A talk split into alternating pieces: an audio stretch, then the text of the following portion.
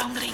Hoe is dat met die mensen op terrein? De conducteur, de, De loketbediende. de, de mens die moet die treinen drie keer oplappen terwijl dat die eigenlijk al rijp zijn voor de sloop. Hoe is het echt om te werken bij het spoor? Wales, wel, er eh, ene keer een week geweest en dat regende daar enorm. Ehm, Ooit met een man uit Els gekust. Waarom heeft het Verenigd Koninkrijk niet één, maar vier nationale voetbalploegen? Toen ik eh, ongeveer 12 jaar was, heb ik een zeer eenvoudige spelconsole gekregen. En daar stond Pong op.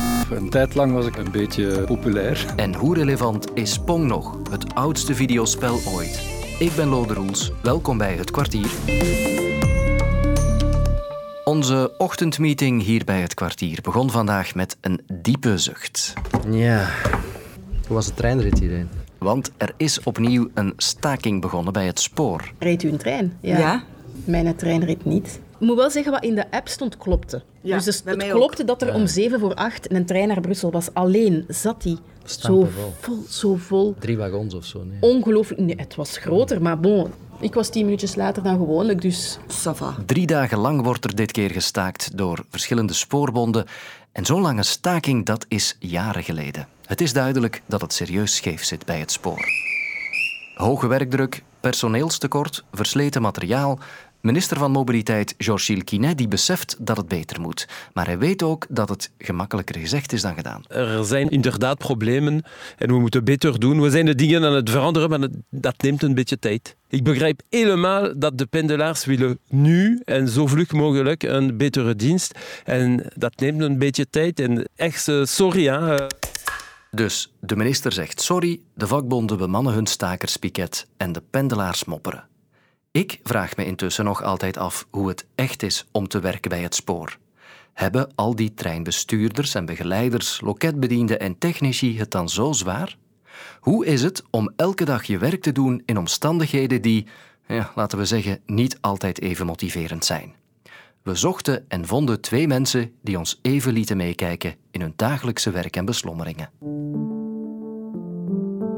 Ik ben eh, Andy en eh, ik ben eh, technicus bij de seinenrichting bij Infrabel. Ik ben Tony dus, 20 jaar ondertussen treinbegeleider bij de NMBS. Spoor 8. Spoorverandering. Dagelijks worden wij geconfronteerd met materiaal dat ten eerste verouderd is, maar vooral het onderhoud laten wensen over. Toiletten die niet werken, dat is ondertussen ook al genoegzaam bekend.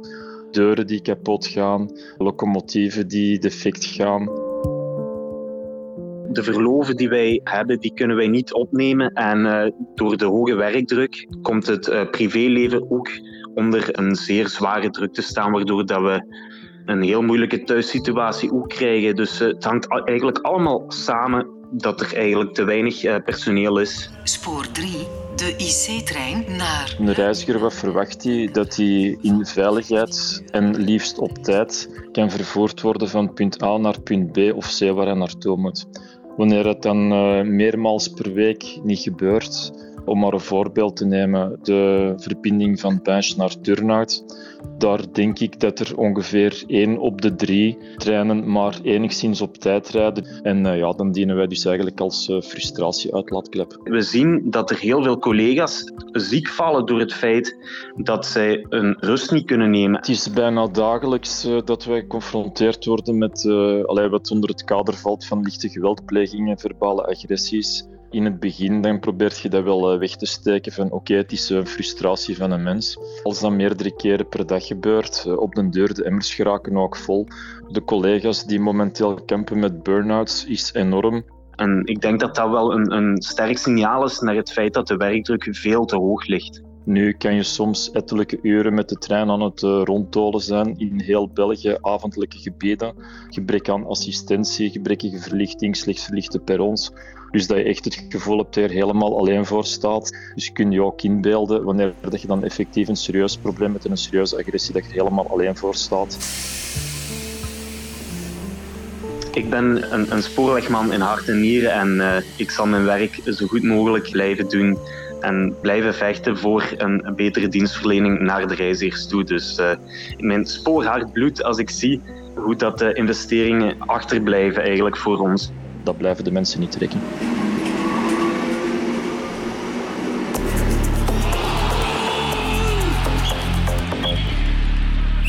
Het WK voetbal in Qatar schiet goed op. We zijn intussen al over de helft van het aantal matchen. En vandaag staat er een erg speciale wedstrijd op de planning. Wales tegen Engeland.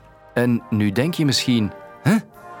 En dat zou ik volledig begrijpen, want dat is ook altijd mijn reactie als die ploegen spelen. Want denk daar eens over na. Vandaag spelen Britten tegen andere Britten en dat op een wereldkampioenschap voor landen. En dat komt omdat het Verenigd Koninkrijk namelijk vier nationale teams heeft: Engeland, Schotland, Wales en Noord-Ierland. Ivan Olivier van onze redactie legt nog eens uit hoe het komt dat het Verenigd Koninkrijk uit vier naties bestaat.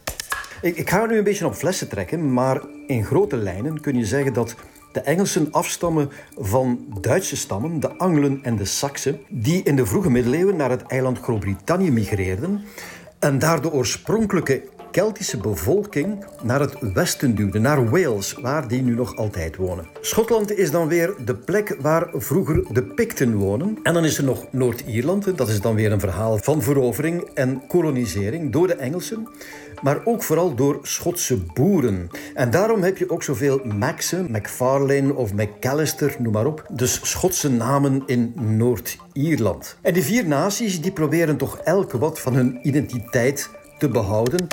En vandaag strijdt Wales dus. Je weet wel, het westelijke uitstulpsel van het Verenigd Koninkrijk, bekend om zijn speciale taal, het Welsh, en de langste plaatsnamen van Europa.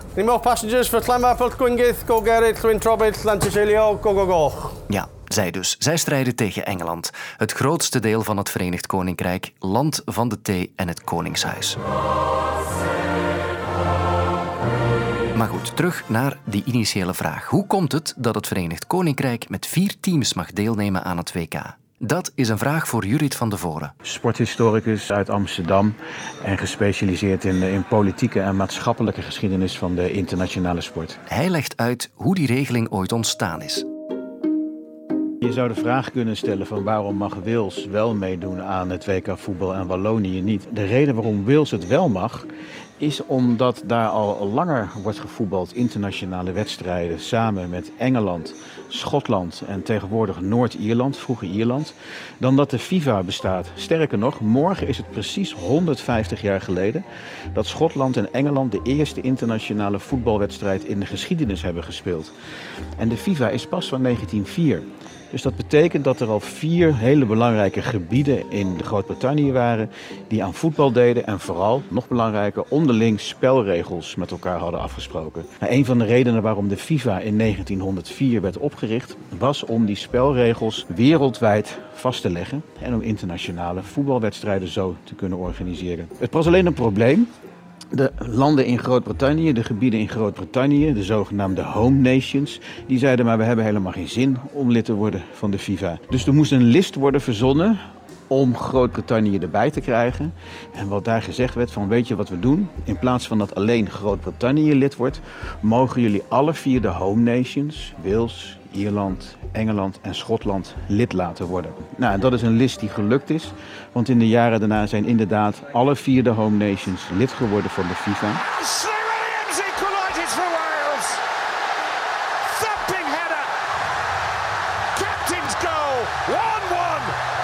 Je kan je afvragen wat vind je het belangrijkste? Het feit dat je eh, structureel in de top 4 zit wereldwijd. Of dat je aan de hele wereld kan laten zien dat jij iemand bent uit Schotland of uit Wales. En ik denk dat voor de meeste mensen toch het tweede belangrijker is, is van dat ze kunnen zeggen van ik kom uit Wales. We worden misschien nooit wereldkampioen, of eigenlijk weten we dat wel zeker.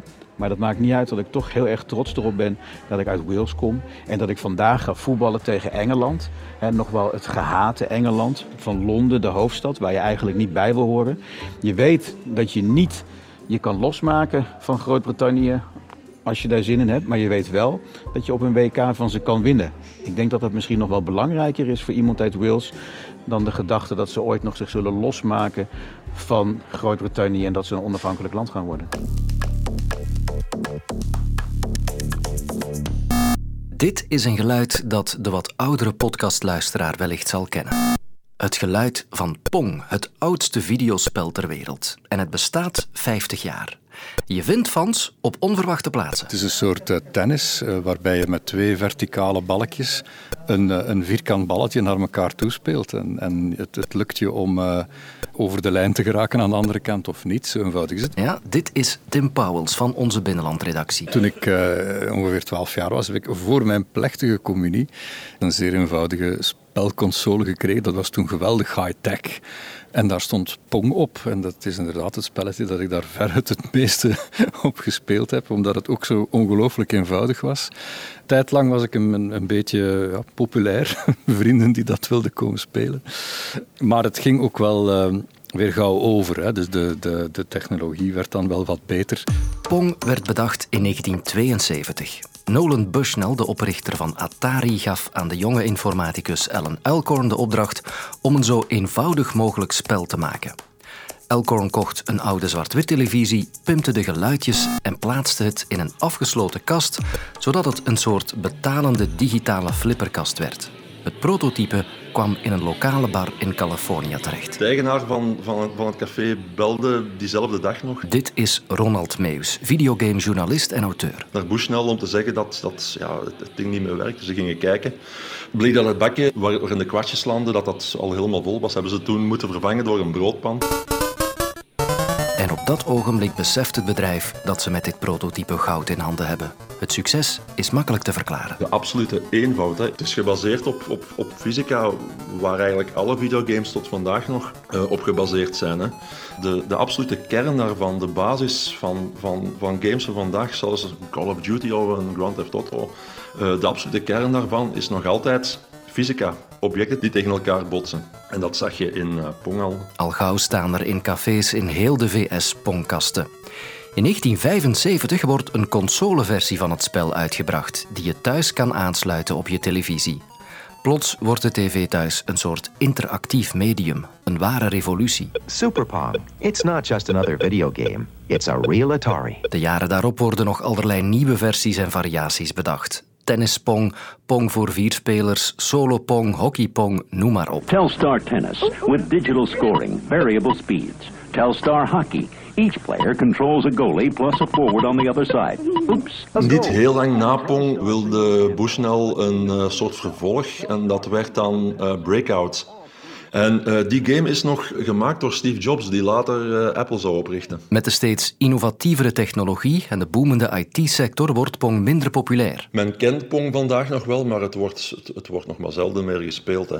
Ik denk dat je het nog online kunt vinden, uh, dat je het zelfs rechtstreeks in de browser kunt spelen, maar ik, het, het wordt vooral herkend wanneer aan iemand vraagt die niks met games te maken heeft. Welke games ken je wel? Ja, je, gaat, misschien Pac-Man en Tetris opnoemen, maar ook Pong. Bij ik het misschien een naam niet, maar, maar weet wel, ja, dat, dat, dat spel met die twee plankjes en, uh, en dat balletje. Het blijft zijn status in de populaire cultuur wel behouden.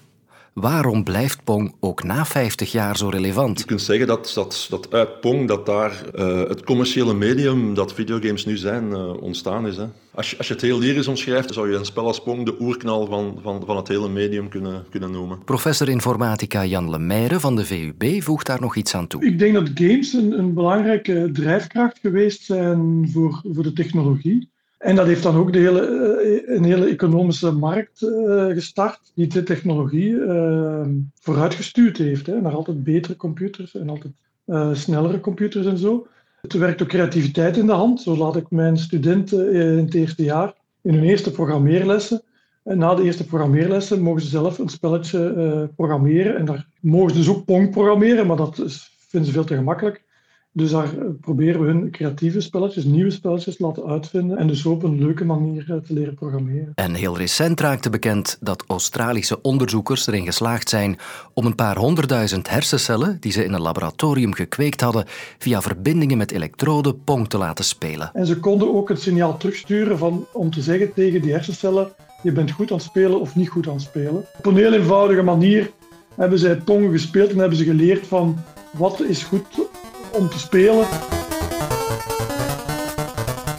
En daarmee ben ik uitgespeeld voor vandaag. Morgen mag Sofie aan de slag met drie nieuwe onderwerpen. De lang verwachte nieuwe podcast van meesterverteller Johan Op de Beek is er. De Franse Revolutie. Nu in de app van VRT Max.